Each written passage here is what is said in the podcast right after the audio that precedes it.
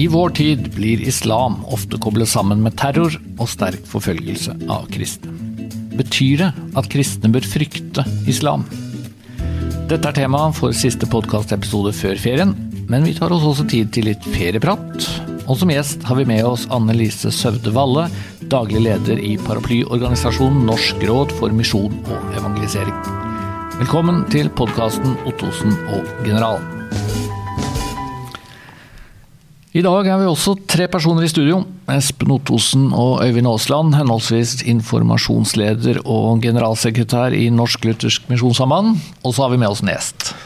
Ja, og gjesten hun heter altså Annelise Søvde Valle og er som du sa, Espen, du sa det veldig korrekt og bra, faktisk. Du øvde det jo godt på forhånd. Gjorde det, ja. ja. Norsk råd for misjon og evangelisering, populært kalt Norme. Hva er, Annelise, før vi spør hvem du er, hva er Norme for noe? Norme er sammenslåingen mellom Gamle Norsk Misjonsråd, eh, Lausanne-bevegelsen og Den evangelske allianse i Norge. Det skjedde i 2001. Og da samla man over 40 misjonsorganisasjoner og kirkesamfunn under én paraply. Mm -hmm. Og den paraplyen har du altså holdt og leda nå i åtte år? Yes. Uh -huh. Har det vært bra?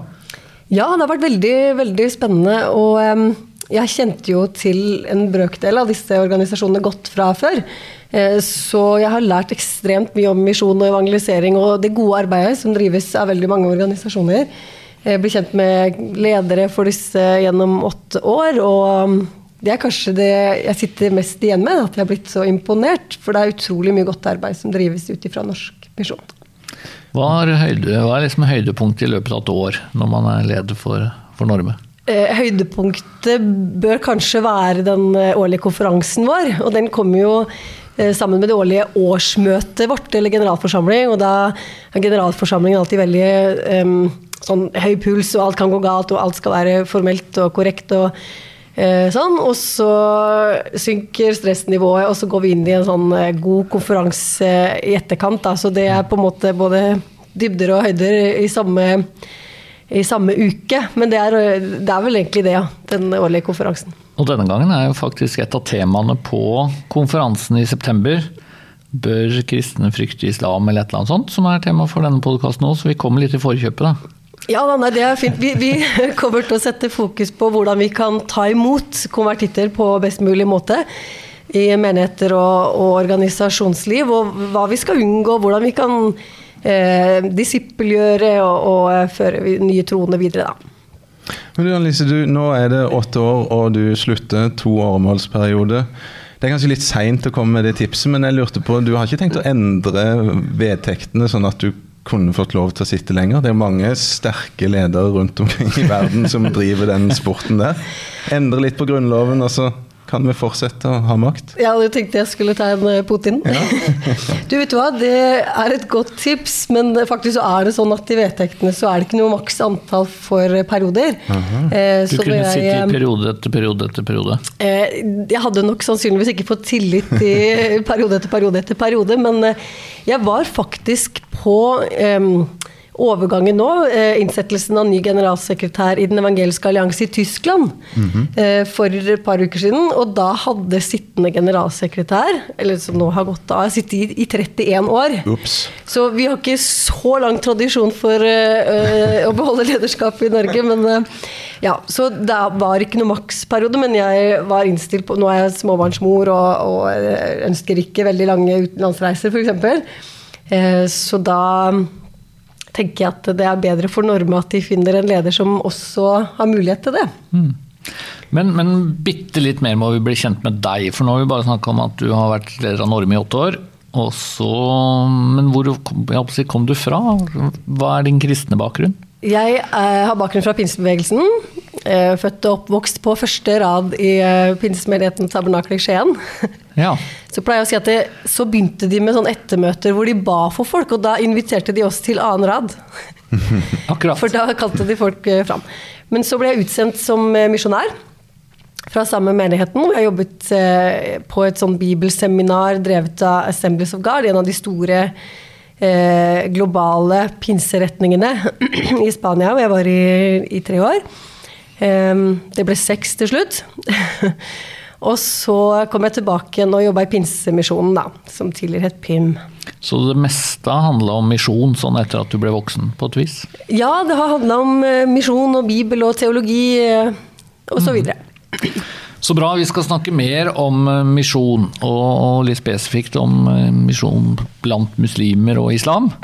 Men vi kan ikke bare være sånn alvorlige, vi må snakke litt uh, om aktuelle ting. Og nå er det Løst og fast. Løst og fast. nå er det sommerferie straks. Hva er planen, Øyvind? Uh, Kan du informere lytterne om en spennende ferieplan? Ja, litt usikker. Eh, Ferien år blir ikke så veldig spennende. Men, men siden du sitter og flirer sånn Ja, for nå, Jeg vet jo hva du har lovt at du skal fortelle. Nei, men ja. Det er snakk om at jeg muligens kanskje, hvis eh, alt ligger godt til rette for det, skal ta en sykkeltur til Kristiansand. Er ikke det tøft? Ja, altså Gitt at du ikke bor eh, på Sørlandet sjøl, Ja, så er det bra. Oslo-Kristiansand Ja. snakker vi nå. Jeg er Men- jo sykkelinteressert og tenker jo at ja. 30 mil det tar du på en dag. Det er jo det de gjør i Tour de Jeg tenker fire, da. Fire dager. Ja. Hvis det er garantert medvind hele veien, og ikke for kaldt, ikke for varmt, ikke noe regn. Og så sliter jeg litt med en liten sånn sommerforkjølelse, og den må jeg jo bli helt fullstendig kvitt før jeg legger ut på en så vågal ekspedisjon. For det er ikke sånn at du sykler veldig mye og langt, sånn til vanlig? Til og fra jobb det er sånn sju og et halvt minutt hver vei. Så grunnlaget for en sånn tur er litt skrøpelig. Ja. Telt. Nei, er du gæren? nei, nei. Det blir hotell eller hytte eller et eller annet sånt. Dersom det blir tur. Ja, for jeg tenkte kanskje vi skulle tipse eh, lytterne om at det er bare å ta kontakt hvis de bor langs veien mellom Oslo og Kristiansand og har veldig høykvalitets husvære å tilby. Ja, Og tenke litt om seg sjøl som en sånn barmhjertig samaritan. Som kan ta inn og stelle en stakkar som er forkommen langs veien. Og litt drikkestasjoner hadde du antagelig trengt. da. Drikkestasjon trenger jeg helt klart. Det er sant. Min uh, sommerferie også skal jo handle om sykkel. Du, du skal sitte timevis i sofaen og se sykkel, du. Det skal jeg. Det gjør du hver sommer. Hver sommer. Men, men jeg starter jo med å se det i virkeligheten. Jeg skal til Brussel, for der starter Tour de France. Så jeg skal få med meg to eller tre episoder i Brussel. Og Det blir gøy. Episode, faktisk. Sa jeg episode? Ja, du gjorde det. Dette er pinlighet. Dette kan jeg. Etappe. Etappe. Ja. Tre etapper håper jeg å, å få med meg da. Så jeg og kona mi drar dit med noen venner. De er ikke så sykkelinteressert som oss. Så vi får se da, om de holder ut i, i tre etapper. Men det er ikke utrolig kjedelig å stå og se på et sykkelløp. Du, det er jo fort forbi, da. Ja, det er sånn som tosker pleier å si når vi snakker om dette. Jeg syns jo det er kjempefint. Og så står jeg stort sett alltid ved målgang. Altså, jeg har vært og sett Tour de France fire somre i Frankrike. Så nå skal vi da til Brussel. Uh, og vi pleier å stå ved målgang. Der er det storskjær, der er det mye leven og liv. God stemning. Og god stemning. Og, nei, det er, det er kjempefint. Hvordan er det med småbarnsmoren? Litt eh, mindre spenstige ferieplaner, kanskje? Ja, altså vi, eh, vi, er, vi er glad i sykkel, vi òg, men vi ser gjerne sånn den siste halvtimen. Ja, Det gjør jeg. Det er en del eh, enkle sjeler som tror at det er da det avgjøres, og det er det det holder liksom med den siste halvtimen. Og så har vi vært på noen sånne eh, Det går en del sykkelritt forbi der vi bor, så vi har kikka på noen av de, og da slår det meg at jeg har en sånn femåring som syns det er veldig gøy, men det er pga. bilene. Alle kjøretøya som kjører først og Ja, ja, ja, Og ikke minst politimotorsyklene. Det er liksom det gøyeste da. Det er tøft. Ja, men det, det har vi forståelse for. Jeg uh, syns også noe av det gøye med å se Tour de France er karavanen som kommer i forkant. Og der kaster du sånn Haribo-godteri. Det har de pleid å gjøre i mange år.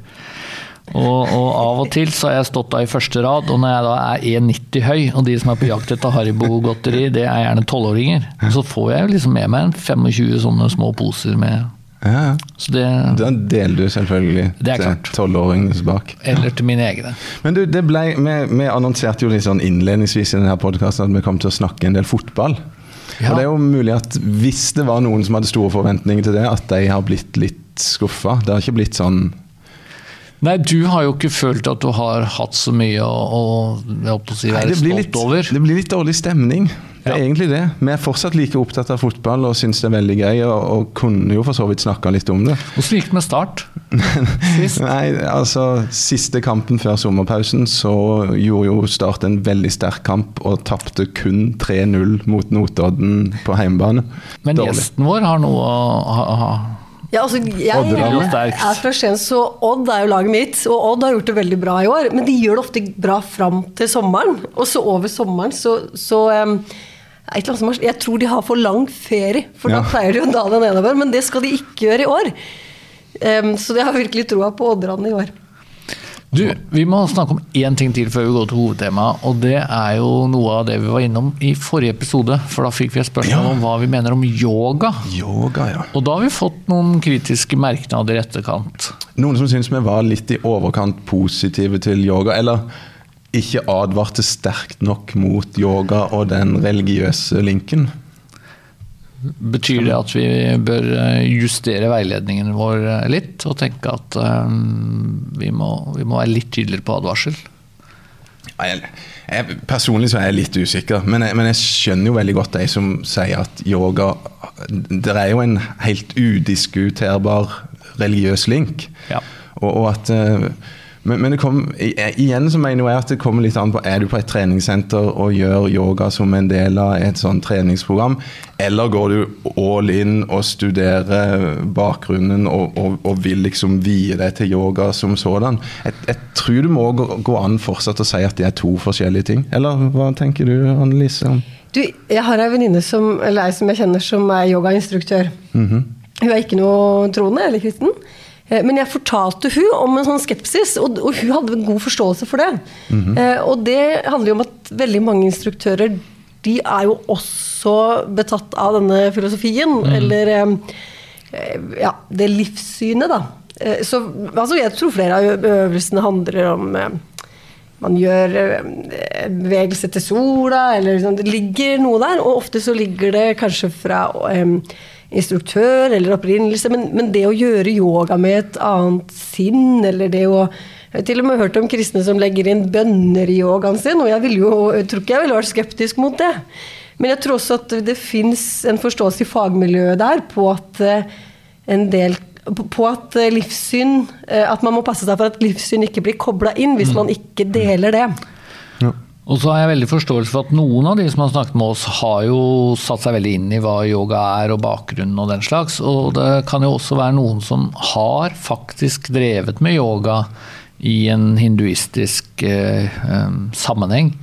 Og at de da forbinder yoga så sterkt med religion, det er jo veldig forståelig. Så på et vis så er det kanskje enklere for de som ikke er eh, særlig oppdatert på bakgrunnen og historien, og går som sagt inn på treningssenter og da får beskjed om å sitte sånn eller sånn, og tenker at det, det har ikke så stor betydning. Men for de som tenker at dette er en tilbedelsesposisjon, så blir det litt annerledes. La, la meg komme med en litt personlig vitnesbyrd. Personlig så ville jeg aldri drevet med yoga. Det, det, kan finne, det, det er kanskje mange, mange grunner til det, da, men, men, og, men en av dem handler om at jeg syns ikke det er noe vits i å utsette seg for det på en måte, og, og, og tenke at uh, her ligger det noe som jeg ikke vil ha noe med å gjøre. Så det, det er helt, Jeg spiller heller squash. Når du kan spille squash, hvorfor eh, drive Hvorfor drive yoga? med yoga? Eller når du kan sykle til Kristiansand. Ja. Da har vi vært innom litt av hvert, gitt. Ehm, Nå skal vi snakke om islam er noe å frykte.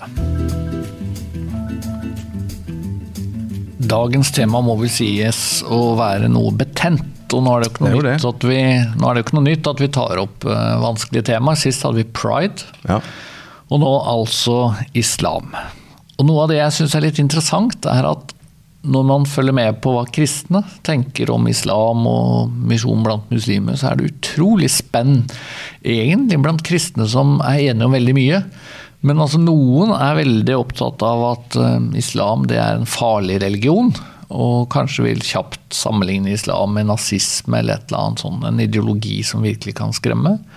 Og så er det andre som tenker at islam gir jo muligheter, eller muslimer gir muligheter. Kommer det muslimske flyktninger til Norge, så fantastisk. Da har vi en mulighet til å gi dem eh, evangeliet. Et, et enormt spenn. Um, ja, Det er et stort spenn der. og det, Annelise, Har du stått midt oppi det? eller Medlemsorganisasjonen i Norge, er de stort sett ganske enige, eller? Jeg tror nok det er et eh, stort spenn der også. Um, det er ganske mange organisasjoner som har arbeid eh, retta mot muslimske grupper, både i Norge, men også andre steder. Um, og der vil jeg mene at man finner noe mer nyanserte holdninger i forhold til eh, kanskje grupper eller bevegelser som ikke står tett på. Mm. For det er lettere å mene noe om noen enn de man kjenner bedre til, eller de man jobber blant. Kan det være det som gjør er hovedforskjellen? De som jobber tett på og er i kontakt med muslimer daglig, og de som er litt lenger fra? at eh, jo lengre fra du er, jo mer frykt? Ja, jeg, jeg vil mene det. Og det handler jo også om ja, kanskje fordommer, fremmedfrykt. Eh, vi eksponeres jo for nye ting, og da blir vi tryggere på de. Mm. Men før vi blir tryggere på nye ting, så må vi på en måte eksponeres. Um, eller mange må det. Da, um, og da tror jeg at vi vil også justere noen av de holdningene vi har hatt. Men du, De fleste er jo enige om at uh, muslimer skal vi være glad i, for det er mennesker ikke sant, som og, og, og, kristen nestekjærlighet og alt sammen peker jo bare en vei. Vi, vi skal elske vår neste. Men, men, islam som ideologi, hva tenker du om, om det? Altså, jeg har ikke noe behov for å forsvare verken eh, islam som religion eller ideologi. Fordi, men det er ikke vårt mandat, verken å forsvare eller å angripe. Vårt mandat er menneskene. Men å frykte? Er det grunn til å frykte islam? Det er absolutt elementer i islam som jeg vil være veldig kritisk til. Eh, men nå har jo eh, Jesus sagt at han ikke har gitt oss en ånd som vi skal frykte. Vi skal jo ha en ånd vi kan, som vi kan stole på og ha tillit til at Gud gjør, gjør det. Ja, gjør verket sitt. Og så tenker jeg at eh, kristne som bor som minoriteter i land med muslimer, eh, de har jo mye større grunn til å frykte enn det vi har. Men likevel så ser jeg i de en sånn tillit til at vår Eh, min trygghet og mitt liv er ikke basert i, eh, i som, eh, den tryggheten som denne verden kan gi, da. Mm. Men, men, en dypere trygghet.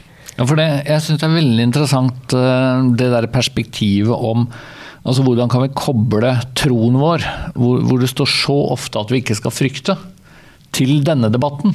For mm. av og til så lurer jeg jo litt på om kristne som da frykter islam veldig sterkt, på en måte kobler troen sin litt ut av dette. Fordi at hvis man er kristen, at hvis man tror at Gud er himmelens og jordens skaper og den som har kontroll over verden, så må vi jo på et eller annet vis stole på at han også skal beskytte oss som, som har talt vår tilflukt til Jesus.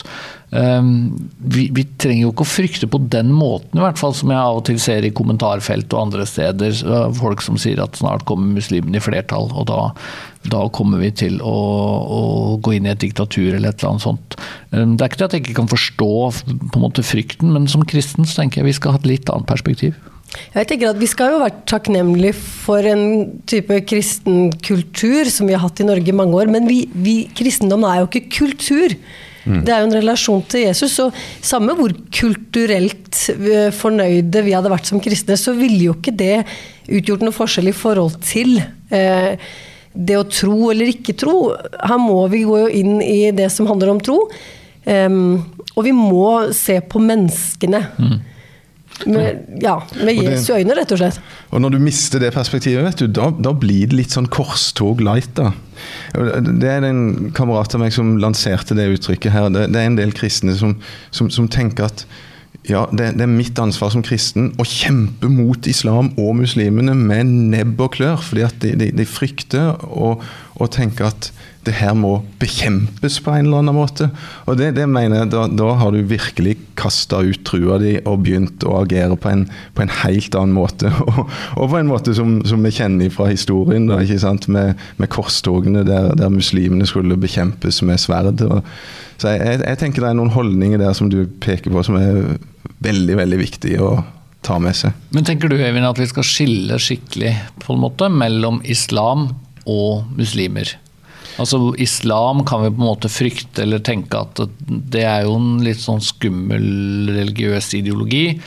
muslimer skal vi selvfølgelig møte med nestekjærlighet. Ja, det, det, tenker jeg er et bra utgangspunkt. Men det er, det er jo viktig å nyansere på islam òg. Det, det, er jo mange som snakker som om islam det er fundamentalistisk islam, og det er terror. Punktum. Men, men jeg har jo jobba sjøl i muslimske områder i Øst-Afrika, eh, og, og der er det noen relativt marginale grupper som driver med, med terror. Men majoriteten av mennesker som jeg møtte, er, elsker jo fred. Og vil jo ha fred, akkurat som du og meg. Og, og, og er fantastisk gjestfrie og, og gode mennesker. Så, så, noe av min kjepphest i denne uh, samtalen her har vært uh, at vi må prøve å beskrive muslimer på en sånn måte at de kan kjenne seg igjen og gi en sånn fair beskrivelse av mainstream islam, eller det som, som, folk flest eh, er opptatt av å drive på med.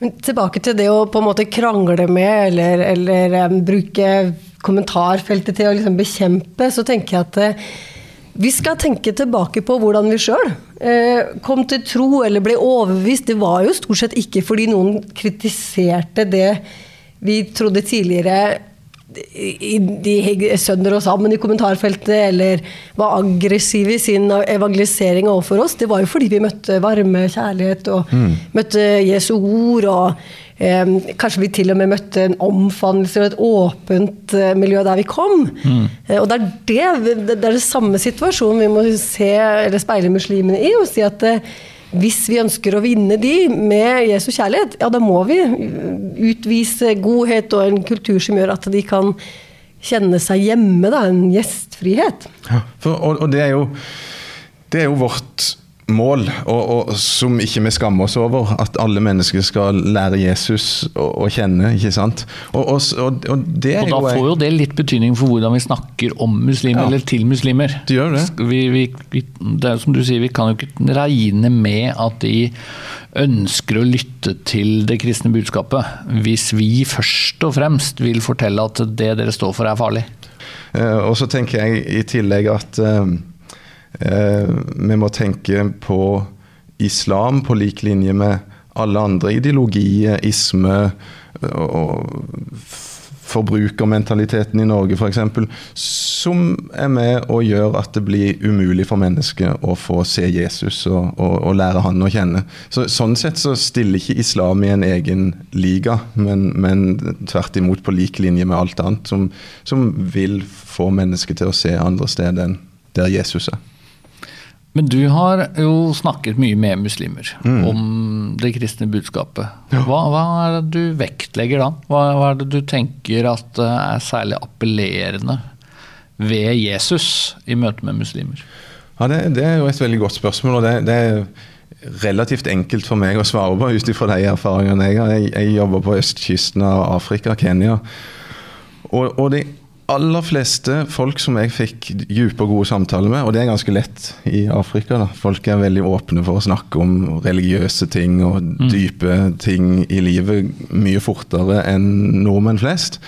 Og, og det jeg oppdaga ganske fort, er at det er en, en, veldig usikkerhet som preger mange av de som etter hvert ble mine venner. da. Og, og særlig en usikkerhet hva, hva skjer når vi er døde? Hva skjer i, i dommen? Så Et vers som jeg brukte veldig mye når jeg snakka med muslimer, det er jo Jesus sine ord der han sier at han er oppstandelsen og livet. Johannes 11, 25. Jeg er oppstandelsen og livet. Den som tror på meg, skal aldri dø. Det, det, og det, det hørte jeg mange, eh, mange tidligere muslimer som hadde blitt kristne, vitne om den, den freden og den tryggheten som de opplevde i Jesus Allah blir opplevd som veldig fjern og en du ikke kan uh, si noe om. Veldig usikkert, uforutsigbart. Men Gud har i Jesus vist sin kjærlighet og, og gitt oss det evige livet. Det er et veldig, veldig viktig aspekt. Mm. Jeg også tror at sånn globalt sett så er det en tid Gud har en tid nå for uh, en del muslimske folkeslag. Mm. Uh, så da skal vi passe oss så vi ikke jobber imot det. Eh, for vår aggressivitet kan lett skape kanskje til og med aggressivitet på, på motsatt side, for å bruke et sånt uttrykk. Eh, mens opprinnelig så er det Guds tid for de nå. Mm. Eh, så jeg tror at det der må vi bare kaste oss på, mm. det som Gud allerede gjør rundt omkring i verden. Men jeg fikk lyst til å spørre deg om en ting, Øyvind, som du nevnte nå. Altså Du sa at det er de fleste muslimer, mainstream islam, de er jo fredfulle. Mm. Men det er jo det jeg oftest leser, eh, både i kommentarfelt i kristen kontekst og andre steder, at, at folk lurt. sier ja, og at ja, men skal du være en skikkelig muslim, da må du faktisk være litt ekstrem. For, for um, det er det som er islam. Sånn at de snille, hyggelige menneskene du har møtt, som er fredfulle, de, de er jo egentlig ikke skikkelige muslimer. Nei, Det er mange som hevder det, og, og som sier at jeg er fullstendig naiv og blir rundlurt av muslimer fordi de har som taktikk å, å, å se fredelige og snille ut, men så snart de får et lite overtak i et samfunn, så vil de overta hele sjappa? Og, og vise sitt sanne ansikt. Men der du bodde, så var de jo i eh, overtall, for å si det Ja, sånn. ja, ja. Det var eh, klart overtall. Den folkegruppa jeg jobba blant, var 99,9% muslimer. Ja. Og, og nå, nå bodde de jo riktignok i et land der det var religionsfrihet og en majoritet av kristne, faktisk, som det er i Kenya. Men, men jeg, jeg tror den retorikken der er veldig farlig. Og, og, og igjen Ingen av mine venner, eller veldig få av mine venner der, ville kjenne seg igjen i at ja, hvis vi bare får sjansen, så skal vi ta øh, kontroll. Det, men, men at det finnes en kamp innen islam om øh, hva som er ja, den korrekte tolkninga av Koranen, og, og hva betyr jihad, ikke sant, og mange ting sånn. Det, foregår en intern kamp, tror jeg, i det internasjonale muslimske miljøet om hva som er god islam. Men da er det jo kanskje ikke så veldig lurt hvis vi begynner å heie på de mest fundamentalistiske. For det er jo det som faktisk av og til det ser ut at vi gjør. At vi sier jo men det er de mest fundamentalistiske som er ekte muslimer. Jeg mener Den kampen må jo de ta, uten at vi egentlig skal gjøre oss til noen slags overdommere over det. Det er helt klart. Jeg tror det var det vi rakk når det gjaldt uh, islam. Tiden, du snakka mye om det her. tiden flyr. Ja. Um, Men vi får jo stadig spørsmål tilsendt. Og nå tar vi et ganske stort hopp i eh, tematikk, da. Men vi har Dette er Ottosen og generalen, en podkast fra Norsk Luthersk Misjonssamband. ett spørsmål som vi tenkte at vi må svare på i dag. Det kan du ta, Øyvind. Vi har snakket oss eh, sammen på dette. Ja. Spørsmålet lyder sånn. Dersom dere to, altså du og jeg, skulle arrangert et tradisjonelt bedehusmøte og måtte utføre to roller, hvem ville da? Én lage kirkekaffe og bedehussaft, og to ha søndagsskole med flanellografandakt? Ja, Det er et relativt enkelt spørsmål å, å svare på, er det ikke det?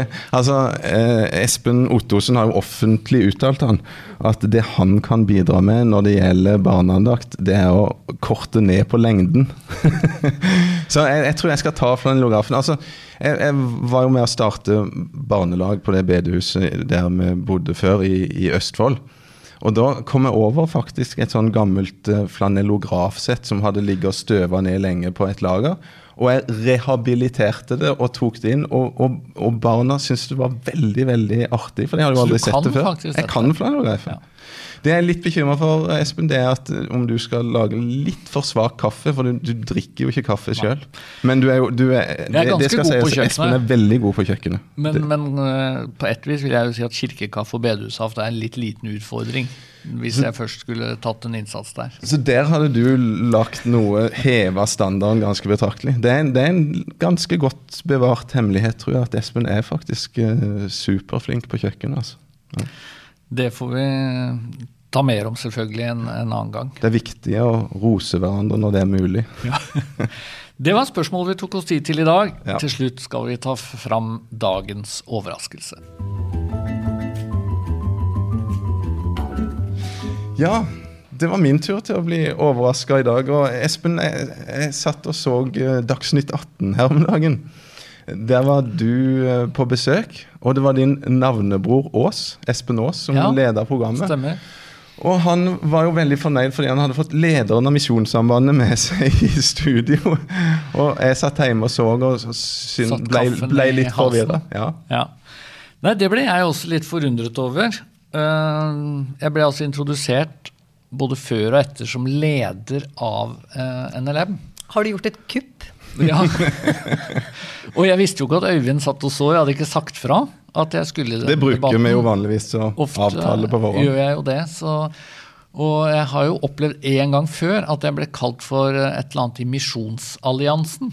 Og, og da følte jeg at dette må jeg bare korrigere, men jeg husker ikke om jeg Jeg tror jeg ble utannonsert som informasjonsleder i Misjonsalliansen, og så var programmet ferdig. Ja.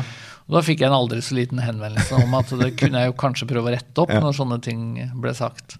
Men denne gangen gjorde jeg ikke noe av det, da, og det, det er jo litt eh, Be- beklager du det? Ja. ja, så jeg var jo, er jo litt redd for at du sitter der og er litt furten. Så det er fint at vi får rettet det opp, da. Ja. Men jeg kan jo fortelle at det er f jeg har aldri gått i en debatt i Dagsnytt 18 med så lite tid til å forberede meg. Og jeg tror kanskje NRK var ordentlig på hæla. da. Kanskje vi må unnskylde dem litt med det. For, gjør det. For jeg ble altså ringt opp klokka halv fem. Da var jeg på tog hjem, og så spørsmål om kan du stille debatt her i studio om en og en halv time. Um, så jeg tror de sleit. Det er jo ferie på Stortinget og vanskelig å få fatt i Ja, er politikere. og sånn. Og du gjorde en god innsats Espen, i det programmet der. Det var et viktig tema som handla om er det mulig å si noe normativt om eh, homofil praksis, eller uten å fordømme folk og uten å, å gjøre, noe, gjøre dem urett. Der syns jeg du svarte veldig bra. Takk. Og jeg syns det var viktig å være der, for eh, bakgrunnen var jo en artikkel i Aftenposten hvor en kommentator eh, egentlig sammenligna konservative kristne med eh, ytterliggående muslimer. Som faktisk forfølger og trakasserer og drapstruer homofile. Og så ble på en måte kristne satt litt i samme bås. Og det er noe av det jeg syns er vanskeligst i homofilidebatten. For jeg ønsker jo virkelig ikke at eh, vi som står for et konservativt ståsted, skal fremstå som vi ikke eh, respekterer og tolererer at andre lever annerledes. Sånn må det være i et demokrati, at vi ikke prøver å tvinge noen til å leve etter en kristen måte å tenke på. Absolutt. Nå skal vi ta sommerferie. Ja, Annelise, er du glad for at du ble med i podkasten nå, eller var det Ja, det var En god eh, opplevelse. Staselig, det. Ja. ja. Du, fikk du sagt sånn cirka det du hadde håpet, eller? Ja, øh, jeg tror det. Tida går fort. Ja. Den gjør det. Veldig flott at du var med, Annelise. Vi tar altså sommerferie, men det kommer til å dukke Ja. opp en sommerspesial hvor vi skal snakke om bibeltroskap og En bibeltolkning. liten godbit sånn eh, i uh, sommervarmen. Så det må dere glede dere til. Takk for i dag. Takk for i dag, og god sommer. Dette er Ottosen og generalen, en podkast fra Norsk Luthersk Misjonssamband. Hør han på iTunes og Spotify, eller se dem på YouTube og nlem.no.